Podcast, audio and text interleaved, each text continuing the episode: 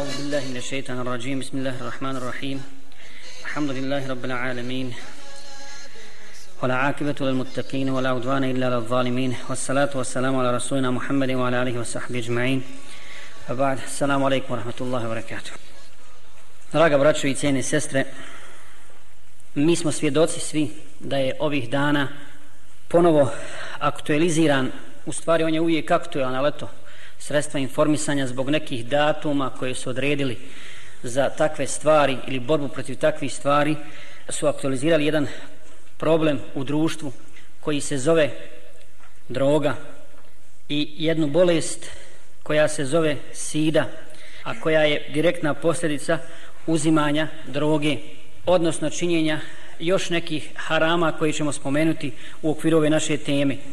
Dakle vi ste čuli da nekakvi podaci govori da je od side umrlo 29 miliona ljudi. 27 miliona je oboljelo ono što je registrovano zvanično.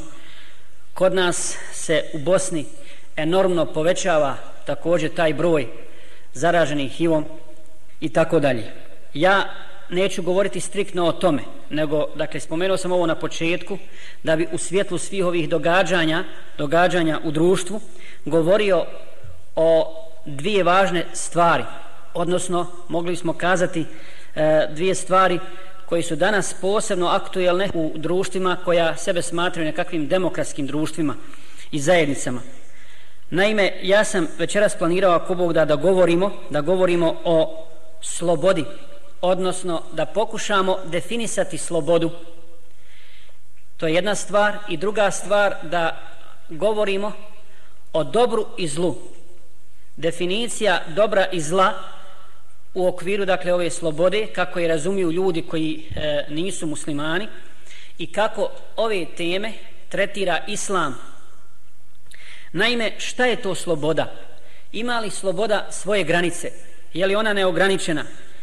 Je li značenje slobode braćo i sestre u tome da čovjek govori i radi šta hoće kad hoće i kako hoće i jesu li u istinu slobodni oni ljudi oni ljudi koji u ime te slobode dozvoljavaju drugima, a i sami to rade, dijela koja, koja ne prihvata nikako zdrav razum.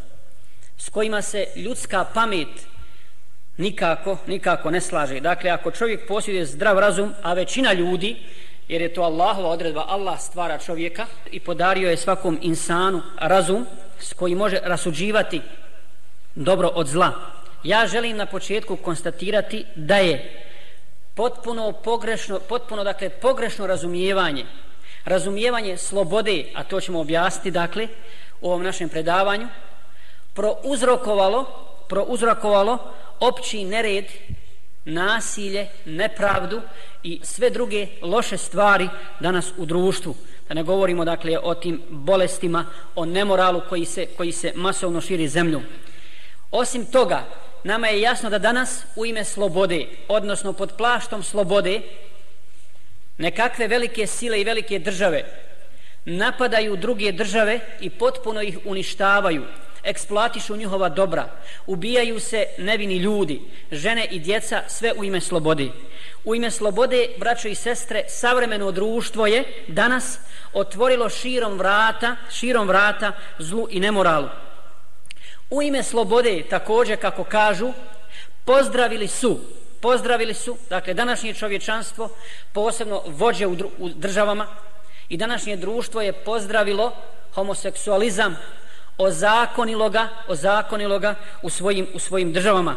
A da ne govorimo blud odnosno zinaluk ili kako oni kažu slobodni slobodni seks.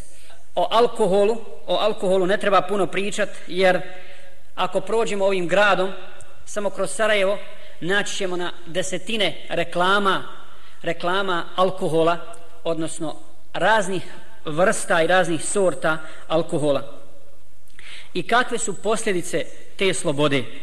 Kakve su posljedice primjene te slobode za koju danas ljudi govore da je to sloboda? I da čovjek ima pravo da čini i blud da pije alkohol, da koristi određene, određene vrste narkotika, jer i o tome se raspravljalo na najvišim nivoima se raspravlja da li bi bilo, možda bilo bolje da se neke, neke onaj lakše droge dozvole, jer duša ljudska čezne za onim što je zabranjeno, ono zabranjeno voće, znate, ono je uvijek, uvijek najslađe, možda je bolje bilo, kažu da je da se dozvole neke lakše, tako će čovjek osjetiti da je to loše, da je to slabo, da to ne volja, pa će, pa će sam ostaviti, sam ostaviti te stvari.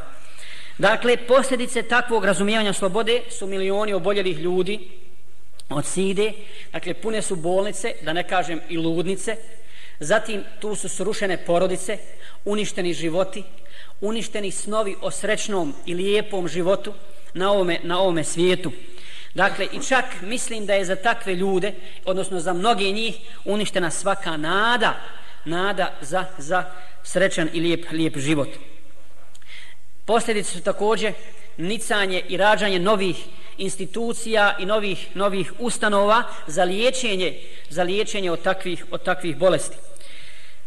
Pored toga što stručnjaci u medicini svaku veče ili svaki dan kako je ovaj problem aktualiziran, govore kako su glavni uzročnici, glavni uzročnici HIV-u, oni kažu rani seks, rani seksualni odnosi. I pogledajte koji je to cinizam, to ne objašnjava i šta to znači. Dakle, ne radi se tu o ranom braku, legalnom braku, nego jednostavno normalno je postalo da sad djeca, da sad djeca u osnovnoj školi imaju imaju odnose. I ja sam neki dan udržao hutbu, nakon hutbe razgovaram sa nekim ljudima i kaže jedan čovjek, danas je došlo moje dijete iz škole, muško dijete, šesti razred, i kaže, smije se, Pitan ga što se smiješ kad ne smijem ti babu kazati. Pa de reci šta, je, šta se desilo? Kada došli su nam neki ljudi da nas educiraju i poučavaju kako uzimati kondom. Dakle, to je ispred države, odnosno ispred opštine, ispred kantona. Došla je neka ekipa, vjerovatno medicinara ili ne znamo o kome se radi, ali uglavnom to je zabilježeno, to je javno, to je zvanično, u šestom razredu osnovne škole. Ta djeca dakle imaju koliko? 12 ili 13, 13 godina. Da i uče kako će uzimati kondom da se ne bi zarazili i da ne bi, da ne bi zaradili, zaradili ovaj virus, da ne bi fasovali sidu. Dakle, to je, to je svan, van, van svake pameti. Zatim, droga i homoseksualizam. Ali je žalosno što se, što se protiv tih stvari ništa ili skoro ništa ne poduzima da se takvim porocima stane, stane u kraj i takvim devijacijama naprotiv, sve nabrojane poroke društvo smatra normalnim. Ja ovdje kažem društvo, međutim, e, dakle, bolje je možda reći vodeće strukture u društvu, to, to smatraju normalni i to dozvoljavaju. I pogledajte, braćo i sestre, ajmo malo da razmišljamo, vjerovatno ćete vi ovome e, polemisati ili razgovarati o ovome ili razmišljati samostalno nakon ovog našeg druženja. Šta se na kraju dešava? Zaista, tako mi Allaha, jedan cinizam kojim nema kraja kad čovjek oboli, kad čovjek oboli, onda na kraju, kad zaradi tu bolest, onda nekakvo sažalijevanje. Znate, hajmo naći za takve institucije odgovarajuće, hajmo se lijepo s njima ponašati, hajmo educirat javnost našu kako će se ponašati i obhoditi prema tim ljudima, da i niko ne vrijeđa, da i niko ne ponižava, da i ne odbacuje i tako dalje. Dakle, otvorili su sva vrata zla, i omogućili to mladom čovjeku da ga potpuno uništi. I kad su to uspjeli, kad su to uradili, e onda ga sažalijevaju. Nema gore stvari na Dunjaluku za čovjeka kome je Allah dao slobodu, kako će vidjeti kasnije kako to Islam tretira slobodu, i kojega je Allah odlikovao iznad drugih stvorenja, od toga da padne na nivo da ga neko sažalijeva. Tada si definitivno gotov. Socijalni slučaj, nema od tebe ništa. Ti si teret društvu i tada si samo za sažalijevanje kakav je to onda život i kakva je to i kakva je to ličnost kad padne na takve grane. A kada se takvima kaže kao što Allah kaže: "Wa idha qila lahum la tufsidu fil ard", kada im se rekne ne činite nasilje na zemlji, ne činite nered na zemlji, oni kažu: inna nahnu muslihun". Mi red uspostavljamo. Mi red uspostavljamo jer vidite komune smo otvorili za takve. Dali smo ljudima slobodu. A kad obole, opet se mi o njima brinemo. Idi, idi u široki brijeg, idi ovdje, idi onde, toliko komuna za liječenje od narkomanije. Ali probaj, nema veze, nema veze. Slobodan si insan, radi, radi šta god hoćeš. Kada im se kaže da je blud, da je blud zabranjen, da je to nemoralna stvar, da je to sramota za porodicu, za pojedinca, za čitavo društvo i tako dalje, i da je to ljaga na takvu porodicu u kojoj se desi tako, bio muško, bilo žensko, do sudnjega dana. Dakle, njegovo potomstvo, potomstvo će osjetiti tu sramotu tako mi Allaha. U to smo se uvjerili. Međutim, oni kažu slobodno je, kada se organizuje parti, jel, u Sarajevu, to je kulturni događaj, prošle godine bili sva i ove godine, čak za Bajram su organizirali. Bajramski parti, možete to zamisliti, može se pomiriti to, te dvije krajnosti, ta dva ekstrema da se pomire, ali u našem društvu, u našim životima je sve moguće. I meni je pričao čovjek, prošle godine kada je organiziran parti, ko je organizirao? Esfor. I šta su radili? Mlade ljude, prvo su to reklamirali, dođite, dođite, došla je, omladina je većinom došla. I onda su doveli nas u prostor gdje ono, vode ima i blata. I navodno to su bazeni. I kad se zaljulja masa, kad se malo nadrogira, e onda se opuste muškarci, mladići i djevojke, djevojke i onda zagaze u to blato, pa izvode razno razne stvari. To je ekstaza, to je takav doživljaj. A kad je Esforovi vojnici okolo stražare s puškama, nakon što se vratio taj čovjek istini koji je bio totalni drogeraš, kad ni nešto mi drugo nije posjetilo to nego na Auschwitz. Znate, Esforovci se tu puške Neće on u blato, nego ti si u blato. Ti, fakultet završio, intelektualac, 20 godina ima, najbolja mladost, mladići i djevojke, i to je lijepo, to je za tebe doživljaj. To je za tebe. Pogledajte se poniženja. Ali hajde ti to objasni. Ja kad, kad sam išao na takve stvari, moji roditelji kad me i upozoravali onako usput, kažu, pa to nije to, ne, pa vi ste nekulturni, vi ste zaostali, vi ste neemancipovani i tako dalje. Nemate pojma šta je istinski život. Ti si u zabludi koji upozoravaš takve ljude. I pogledajte ko sve učestvuje u rušenju tih mladih života. Zbog slobode. Zbog slobode. A u stvari ruši se tu ne samo sloboda, nego i život, kako ćemo objasniti. Prije svega roditelji. Roditelji, tako mi Allaha, ja ovo, ovo odgovorno tvrdim, ne da roditelji žele da mu dete oboli, daleko od toga, ali jako malo čine da spriječe, da odgajaju svoju djecu, da odgajaju svoju djecu na istinskim temeljima, dakle, slobode, islama, pravednosti, lijepog življenja i tako dalje. Dakle, i direktno učestvuju i saučestvuju u tome da djeca njihova budu, budu upropaštena. Zatim, školstvo. Školstvo. Evo sad smo spomenuli taj slučaj. Slučaj gdje, gdje se u šestom razredu educiraju djeca šta će i kako će raditi. Kad su u pitanju roditelji, ja sam, Allah je tako dao, pa sam moje dijete udaralo na neko veći auto, I onaj, bio sam u bolnici gore i žena, doktorica, neurohirurg, kaže, neku veće su doveli djevojčicu. Djevojčicu, roditelji je doveli, od 9 godina. Mozak potpuno zablokirao. Ništa, ne znam kako se to zove u medicini, stručno. Uglavnom, ona je nama to objasnila i kaže, kasnije analize su pokazale da je ona bila, u stvari, puna, puna droge, dakle, mozak 9 godina. 9 godina. I ja mislim da je, kaj, vjerovatno, onaj dok je više ne dovode ovdje, da je umrla. Da, nema, onaj, i to nije prvi put, to nije prvi put, a ona ima roditelje. Ona ima oca i majku. Ali su sad ta djeca vani, ona nisu sad u kućama.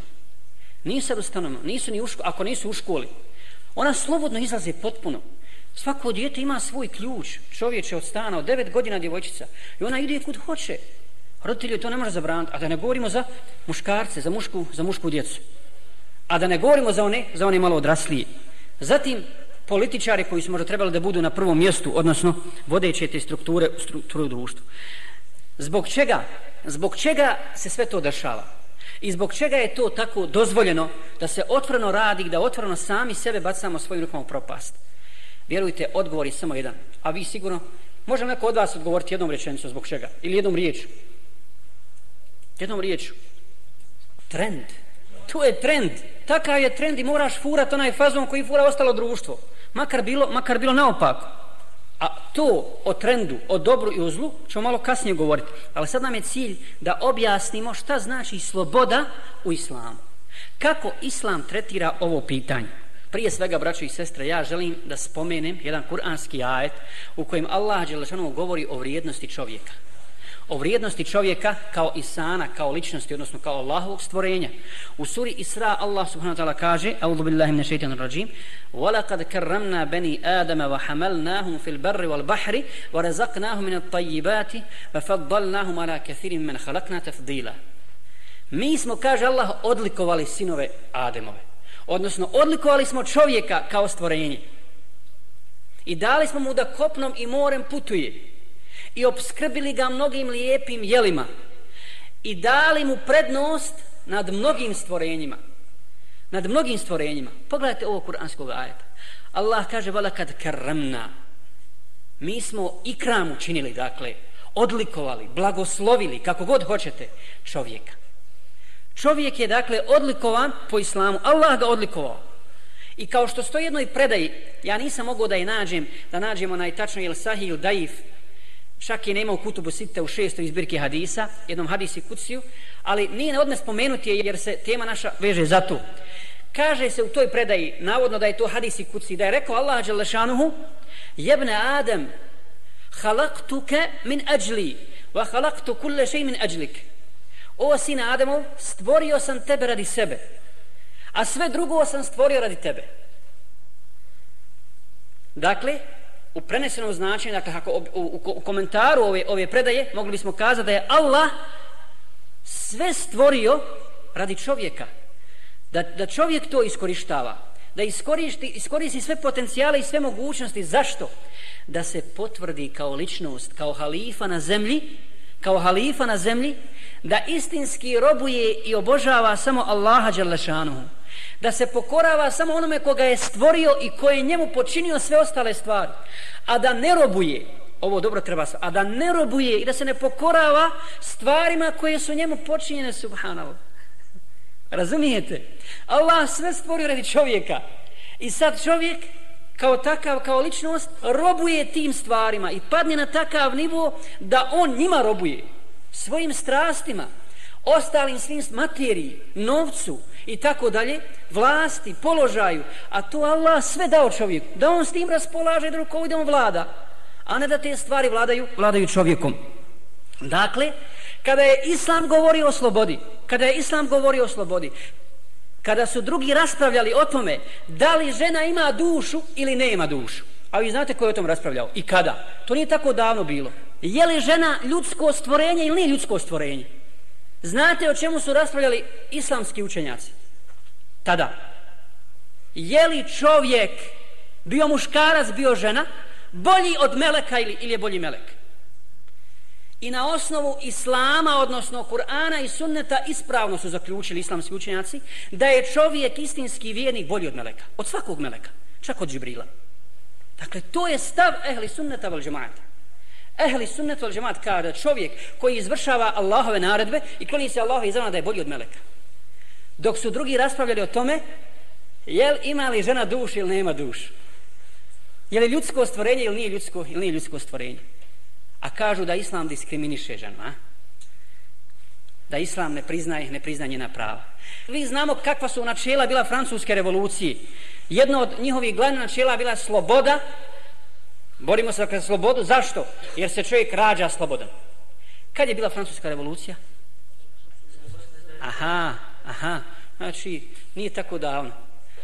A znate li kad je Omer radijallahu ta'ala an došao u Egipat kada je čuo da Amr ibn As da je učinio nepravdu namjesnik Amr ibn As nekim koptima, dakle nemuslimanima, došao je Omer direktno u zijaret, u posjetu Egiptu i postrojio muslimane, a među njima i Amra ibn Asa kao glavnog emira, i rekao mu sljedeće riječi, o Amre, otkad si to ti ljude učinio robovima, a Allah ih stvara slobodnim.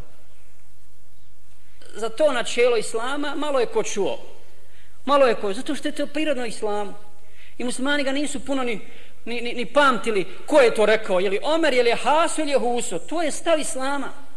To je stav, Omer ništa nije rekao od sebe radi Allah. Rekao je ono što, što, islam, što islam zagovara. Dakle, preneseno na ovu našu tematiku, kako i mi objašnjavamo, i kako je islam gleda na nju slobodan je, dakle, onaj čovjek ko svoju dušu od slobodi, svoju ličnost ko slobodi od robovanja strastima, a neko se poda strastima da ga strasti vode. Taj je čovjek rob svojih strasti. Pogledajte šta kaže Hind radijallahu ta'ala anha. Žena koja je primila islam, znamo mi ko je Hind, jel tako? Žena je Ebu Sufjana. Žena koja je prije islama, kao dok je bila mušrik, mrcvarila mrtvog Hamzu, radijallahu ta'ala. Ali kad je prihvatila islam, došla je da da bejom poslaniku sallam, da se zakune na islam i poslanik im citira tada ajet ne samo njoj nego svim ženama koji su došle da daju beju, koji su prihvatili vjeru. Citri i sure Mumtahine, o vjerovjesniče, kada ti dođu žene, da se zakunu, da neće Allahu nikoga kao druga pripisivati, da neće krasti i da neće zinalučiti, ona je prekinula poslanika sallam hind. Rekla, ja Rasulallah, evo teznila hurra, Allahu posliče, zar slobodna žena može činiti zinalog? Pogledajte kako Hind, žena intelektualac, žena muslimanka, kako definiše lahko slobodu. Zar slobodna žena, dakle žena koja nije robinja, koja se ne prodaje kao roblje, zar može činiti zinalog? Zar može pasti na takav nivu? Gdje je moral? Gdje je stid? Gdje su principi? Gdje je njena ličnost tada? Porodica, muž, djeca i ta njena duša. Nemoguće je da se desi, dakle, slobodnoj ženi da čini, da čini zinalog. I to Hind ne može da prihvati nikako. Nikako.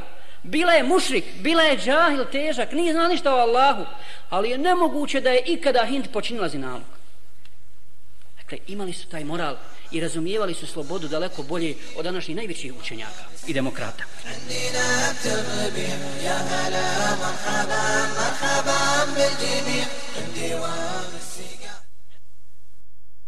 tu abdan fa nafsi hurratun karama ako sam rob misli se rob koji se prodaje na pijaci ako imam status roba pa moja duša je slobodna i plemenita. Au asvadu launin ili ako sam crne puti ako sam crnac fa inni abjadul huluki. Pa ja posjedujem bijel ahlak čist moral čist moral. To je moja vrijednost. Nije vrijednost čovjeka u tome je li crnac ili bijelac. A u Americi i dan danas rasizam caruje. Caruje tako mi Allaha jer crnci, zašto se crnci najviše odaju alkoholu, drogi, prostituciji, zašto su na ulicama? Zato što ne imaju slobode.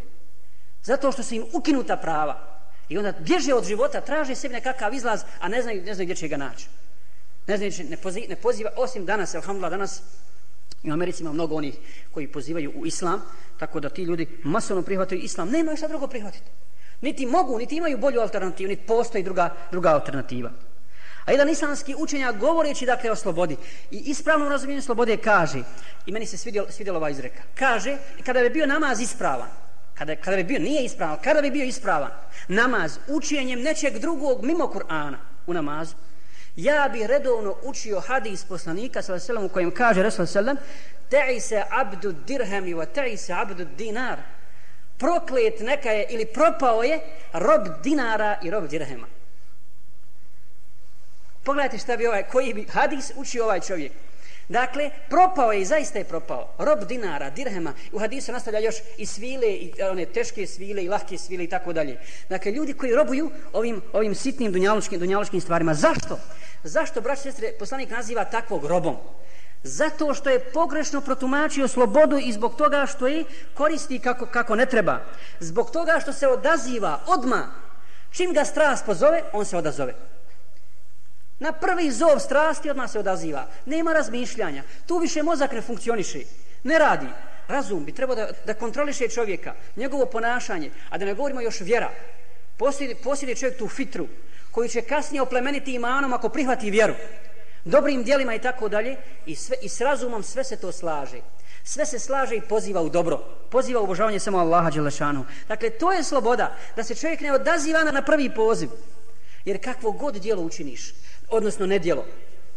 ti si izišao iz tih okvira slobode kako ćemo kasnije objasniti ali kada ti nešto radiš treba da uradiš ili te, ili te zove tvoja duša nešto uradiš pa se kontrolišeš pa vidiš je li to dobro ili nije dobro Pa ako vidiš da je to dobro za tebe, pa ga onda uradiš na temelju zdravih principa, tada to i razum prihvata subhanallah. Tada to i razum ljudski, ljudski prihvata. Zato Allah kaže Afara'ejte man ittehada ilahehu hava. Jesi li ti vidio onoga koji je svoj strast za svoga Boga uzeo?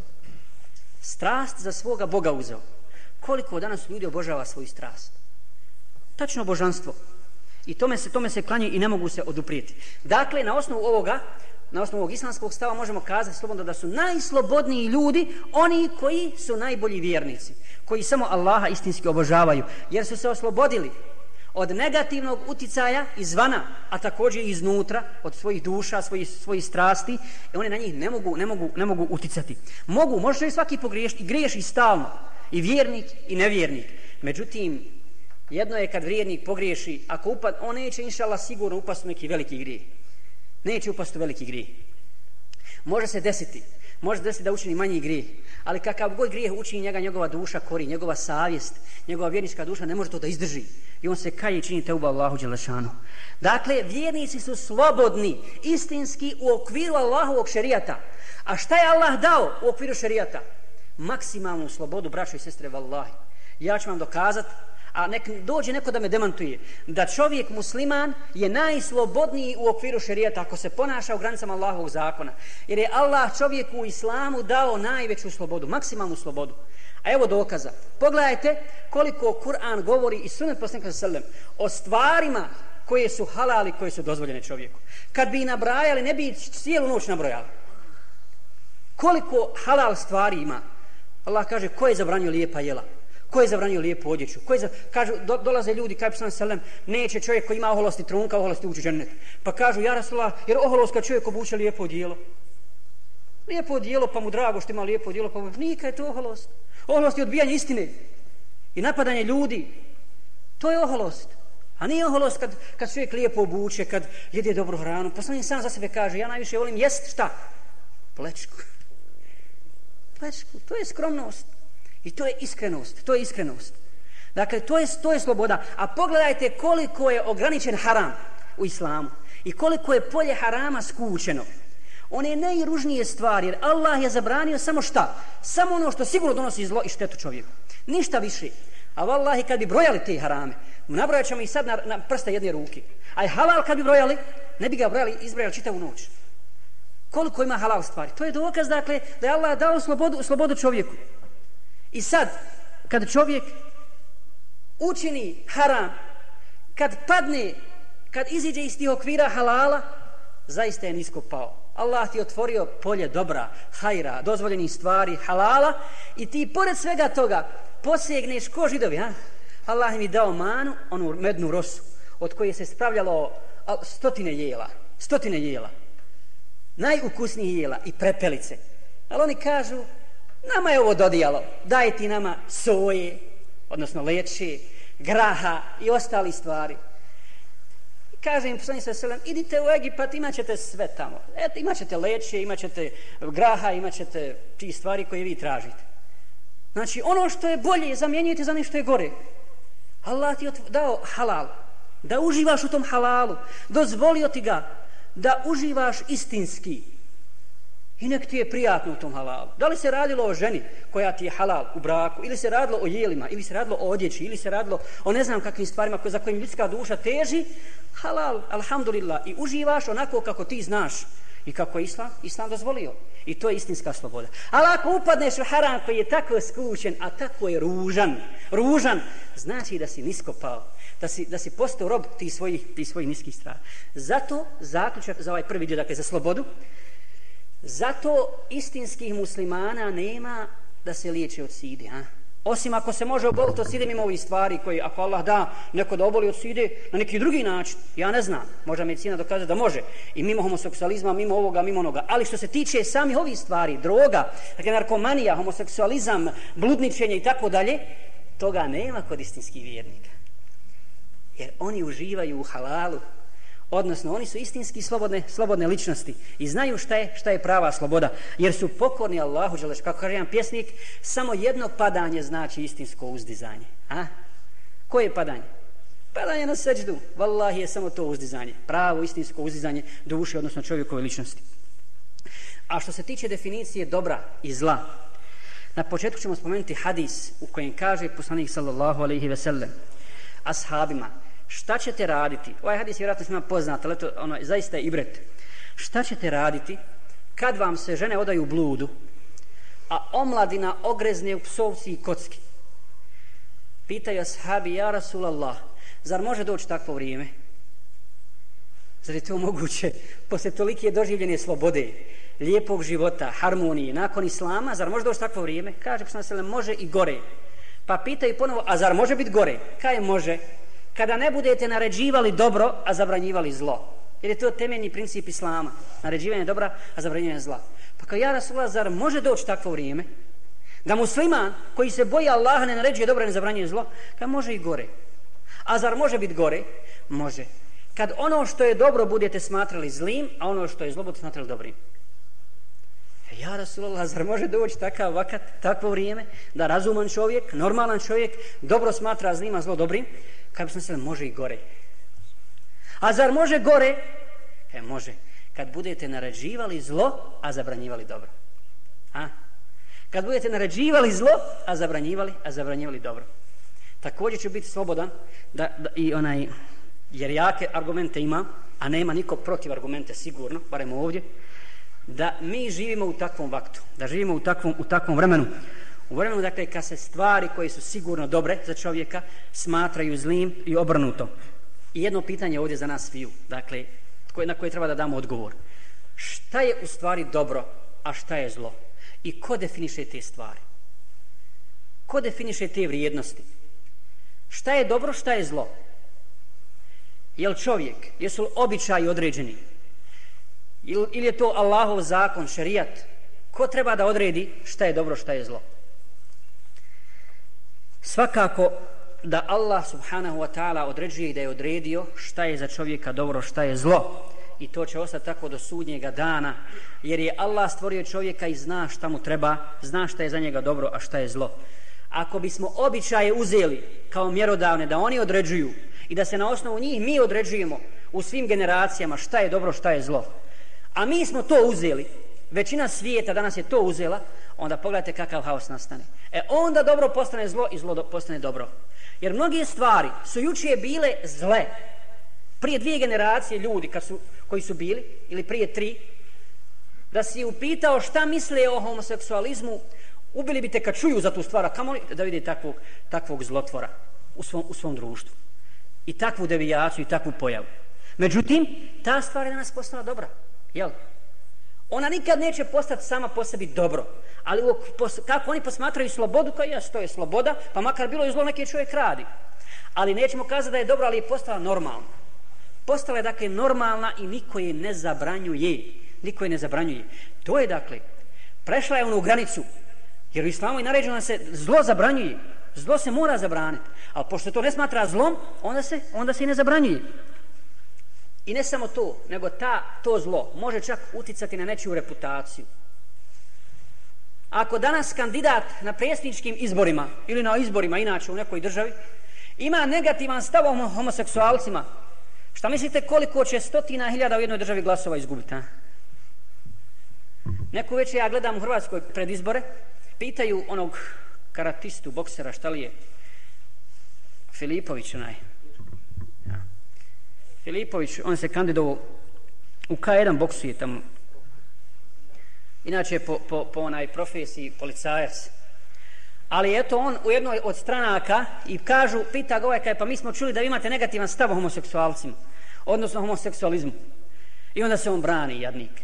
Pa znate kaj, ja to ne volim, ali ono, ne branim nikome, svakome je slobodno, moja stranka se zalaže za slobodu, za, za prava ljudska, da to ljudsko pravo.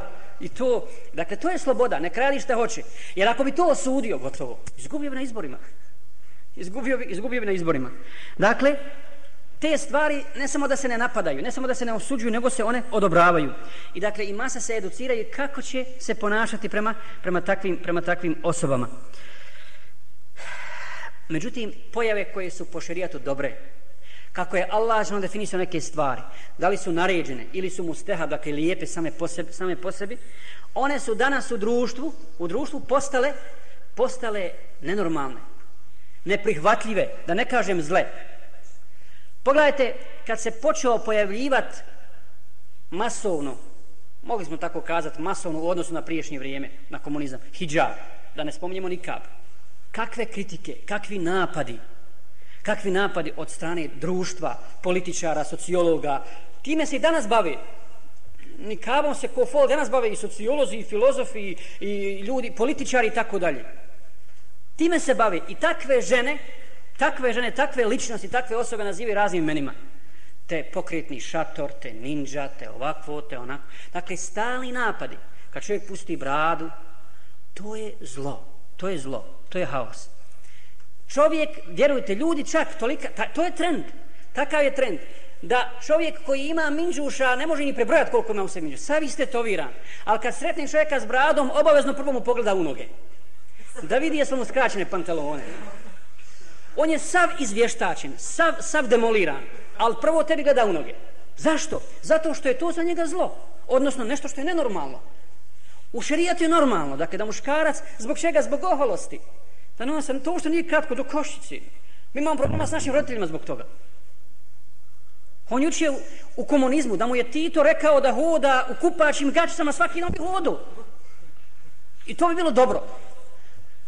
Zato što, je, zato što obožavao tu partiju i slijepo se pokoravu. A danas ti razmišljaš kao intelektualac svojom glavom i ne možeš tog svog babu, bivšeg komunistu, ubijediti nešto da je to... Na kraju kraju da je to moja sloboda. Eto, ako već hoćeš, idemo do otli. Koristim se tvojim oružjem. Jesam slobodan. Jesi ti demokrata? Jesi. Pa i ja se koristim time. To je moja sloboda, ali to ne može podnijeti. To ne može podnijeti. A po šarijatu je dobro da žena bude pokrivena da je njena odjeća duga. Duga zbog čednosti. Zbog stida koji je prirodan i urođen ženama. Danas žene gole. hodaju ili polugole. To je trend. To je dobro. To je dobro. I to vidimo svaki dan. Upalite televiziju pa ćete vidjeti.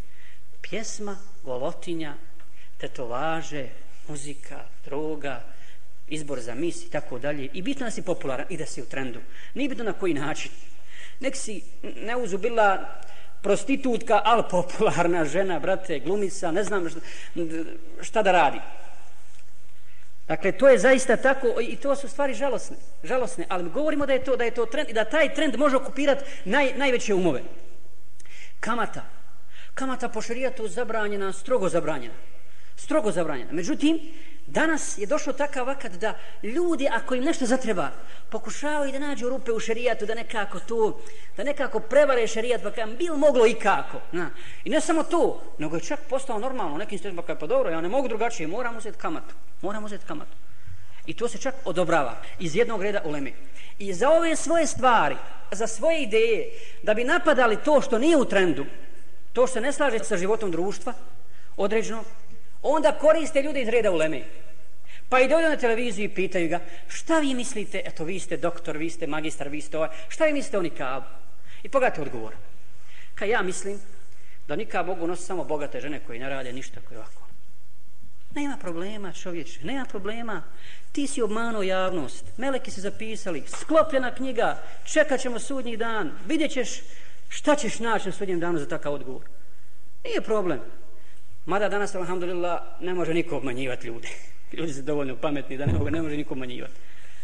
Ako si istinski obučen i učen u islamu, ako nisi priučen, onda ćeš dati odgovor, kazati, čekajte, šerija to tretira ovako. Kur'an spominje pokrivanje u tom i tom ajetu, ali nije decidan, nije precizno spomenuo nikab. Islamski učenjaci su kazali to, to, to, to hadisi poslanik sam govori o tome. Njegove žene su nosile nikab. Nisu sve sahabike nosile, nosile nikab. Zato se ulema razišla oko toga zbog jedne riječi u Kur'anu. Međutim, učenjaci četiri mezheba poznata kažu to, to, to. E, mašallah, to je odgovor. I ja prihvatam mišljenje Ebu Hanife, rahmetullahi alaihi, zato što su mi njegovi dokazi najjači. Da nikab nije obaveza, je sunnet. Dakle, nikab ne može biti ništa treće. Može biti ili vađib, obaveza, ili sunnet. Ne može biti treće. Nema treći. A ne, bogate žene mogu to nosati, nekakve princeze. Jel? Hoćemo ljude da učimo vjeri, da učimo akideju, poznamo sa gospodarom svjetova. Ko je Allah, da ga znaju istinski obožavati. A kada se istinski vrati Allahu Đelešanu, kada i Allah, jer Allah upuće, nismo mi. Ko smo mi? Svi smo mi grešnici. I svi smo slabi. Ali neko od nas zna više vjeru, neko, neko manje. Ali ne može svak studirati šerijat. Nama trebaju ljudi različitih kalibara, iz različitih oblasti. To je islam. Ali onaj ko zna šarijat, nek te istinski barem obuči što je islam. Pa da ti znaš, da znaš, ne samo nešto, ovo je haram, ovo je halal. Ma ko kaže smo mi takvi? Ne, mi ne idemo po toj liniji. Islam ništa nije zabranio, a da nije dao alternativu. Ništa nije zabranio, da nije dao alternativu. I vidjet ćete suru Majda, sad ne citiramo te ajete. Uzmite suru Majda, suru Ali Imran, suru Anam, pa ćete vidjeti. Zabranio vam je krv, strv, svinjsko meso, tako da. Onda, a dozvoljeno vam je to, to, to. Znači, to je alternativa. Nema lutanja. Nema lutanja. Jer Allah nije zabranio nešto radi same zabrane. Pa zato što to šteti čovjeku. Šteti, šte, sigurno šteti čovjeku i da gradira ga kao, kao, kao ličnost. Dakle, koriste se takvi ljudi da bi se to potvrdili. I pogledajte, aršina, napad ovdje na ove. A ovamo educiranje da ne bi napadali one koji su narkomani, koji su oboljeli da se ide tako. Kao da su ovi gubavci, kao da su ovi oboljeli pa i se treba odreći tako dalje. Koji klanjaju, koji nose brade, koji se islamski ponašaju. To su aršini. Ali, alhamdulillah, bolje je sto puta da nas napadaju nego da nas sažalijevaju. Bolje je, vallahi. Bolje je za nas. Međutim, u tom pogledu, ja bih kazao, braćo i sestre, da je naše društvo danas, da je naše stanje u društvu, ne, ne mislim samo na Bosnu i Hercegovini, nego inače šire, gore nego stanje onih ljudi u lađi, kako je opisao poslanik sa selem. Na dva sprata, jel? Pa oni, kad im je nestalo vode, oni sa gornjeg sprata su sišli dolje, pa su naumili da probiju lađu, jel? I kaže, ako i ovi dole ne spriječe, potopit će se svi. E, ovi su gore kod nas uspjeli probiti lađ. I sada više ni kapetani, ni kormilari, bez obzira koliko su sposobni, ništa ne mogu učiniti. Sad se svako od nas bori sa svojim valom. Sa svojim, kao i kapetan, kao i kormilari. Na osnovu hadisa poslanika sa selem. Na kraju poslanika sa selem, kaj, ja nisam to spomenuo. Dakle, u takvom vremenu, kada dođe to, kada budete narživali dobro za vrijeme zlo, ni vaši najučeniji se neće moći snaći. Neće se najučeniji moći snaći. Dakle, sad se svi borimo sa nekakvim svojim, svojim valovima životnim koji prijeti da nas, da nas potope i da nas, da nas uništi. E, to je bio men cilj za večeras. Dakle, da bare malo e, pokušamo približiti to. Dakle, šta je sloboda, kako islam razumijeva slobodu i ko to treba da definiše dobro i zlo. I šta je stvarno za čovjeka dobro i zlo. I šta je uopćeno, šta znači dobro, a šta zlo. I koga definiši. To ne znači, braćo i sestre, da mi sad treba, šta treba da uradimo, jel? Pošto ovi tamo educiraju te skupine, mi treba da ju odbacimo, jel? Nije tačno. Mi smo posljednji ljudi na zemlji koji trebaju da odbace takve ljude koji su oboljeli bilo od čega, bilo od čega. Naprotiv, mi smo najpreči, najpreči da im ukazujemo na dobro, da ih pozivamo u dobro, da im objašnjavamo istinu, da je prihvate kao preventivu, a ne kao lijek. Na kraju kad se desi gotovo, kad čovjek oboli, onda ga, nego preventiva je važnija, važnija hiljadu puta. Zato nam je dužnost da te mlade ljude, i stare i mlade, a omladinu posebno, da se s njima družimo, da im priđemo na najljepši način, kao istinski vjernici, ne da ih se žalijevamo, nego smatrajući ličnostima, ljudima, sutrašnjim vrijednostima, ako Bog da u društvu, vrijednostima za društvo, da im objasnimo da to nije put, da to nije put i da na taj način neće naći svoju sreću, ni će se potvrditi kao ličnosti, ni će ispuniti svoju ulogu na zemlji. Ali hajde, mani dunjalu, dunjalu će svakako proći, ali treba ljudima približiti istinu o Allahu Đelešanu, o susretu sa gospodarem svjetova i vallahi, to je jedina, jedina prava stvar. I mi smo najpreći kako će ljudi koji ne vjeruju Allaha educirati ljude i objašnjavati da je to zabluda. Kad ti koji educiraju sami možda koriste lahke droge, a njima ne daju, nemojte, nemoj teže nego, nego lakše. Pređi na lakše. I tako dalje. Nemoj činiti zinalog sa prostitutkama nego sa drugim ženama koje nisu onaj, one prave prosne prostitutke. Takvo je njihovo objašnjenje. Ili koristi kondom. Dakle, to, to je edukacija njihova. Ali ti čovjeku pri, priđeš kao, kao iskren čovjek, kao vjernik, kao otac njegov, kao roditelj, da mu objasniš, sigurno će te vallahi prihvatiti. I onaj ko misli da se to ne isplati, da je to dug put, pa to je naš cilj. Taj je već dovoljno u zavodu otišao. Već je dovoljno u zavodu otišao. Dakle, budimo mi od onih, od onih koji će pozivati ljude i ustrajati, prije svega mi da ustrajemo na istini, da nas ne pokoleba nikakva druga ideja na strana, strana istini, strana pravednosti, strana ljudskom biću, odnosno Kur'anu i sunnetu, da budemo mi od onih čiji će glas istine povijediti glas laži. I da budemo sebe upute, upute drugim, drugim ljudima. Eto, to je ono što sam ja za večeras pripremio za vas, odnosno za nas sviju, moleći Allaha Đelešanu da nas učvrsti na istini, da nam podari razboritost i istinsko razumijevanje istine Kur'ana i sunneta, da nas sačuva iskušenja koja ne možemo podnijeti, da nas sačuva ovih zala koja danas haraju u društvu, da nam oprosti grije da nas uvede u džennet. Amin.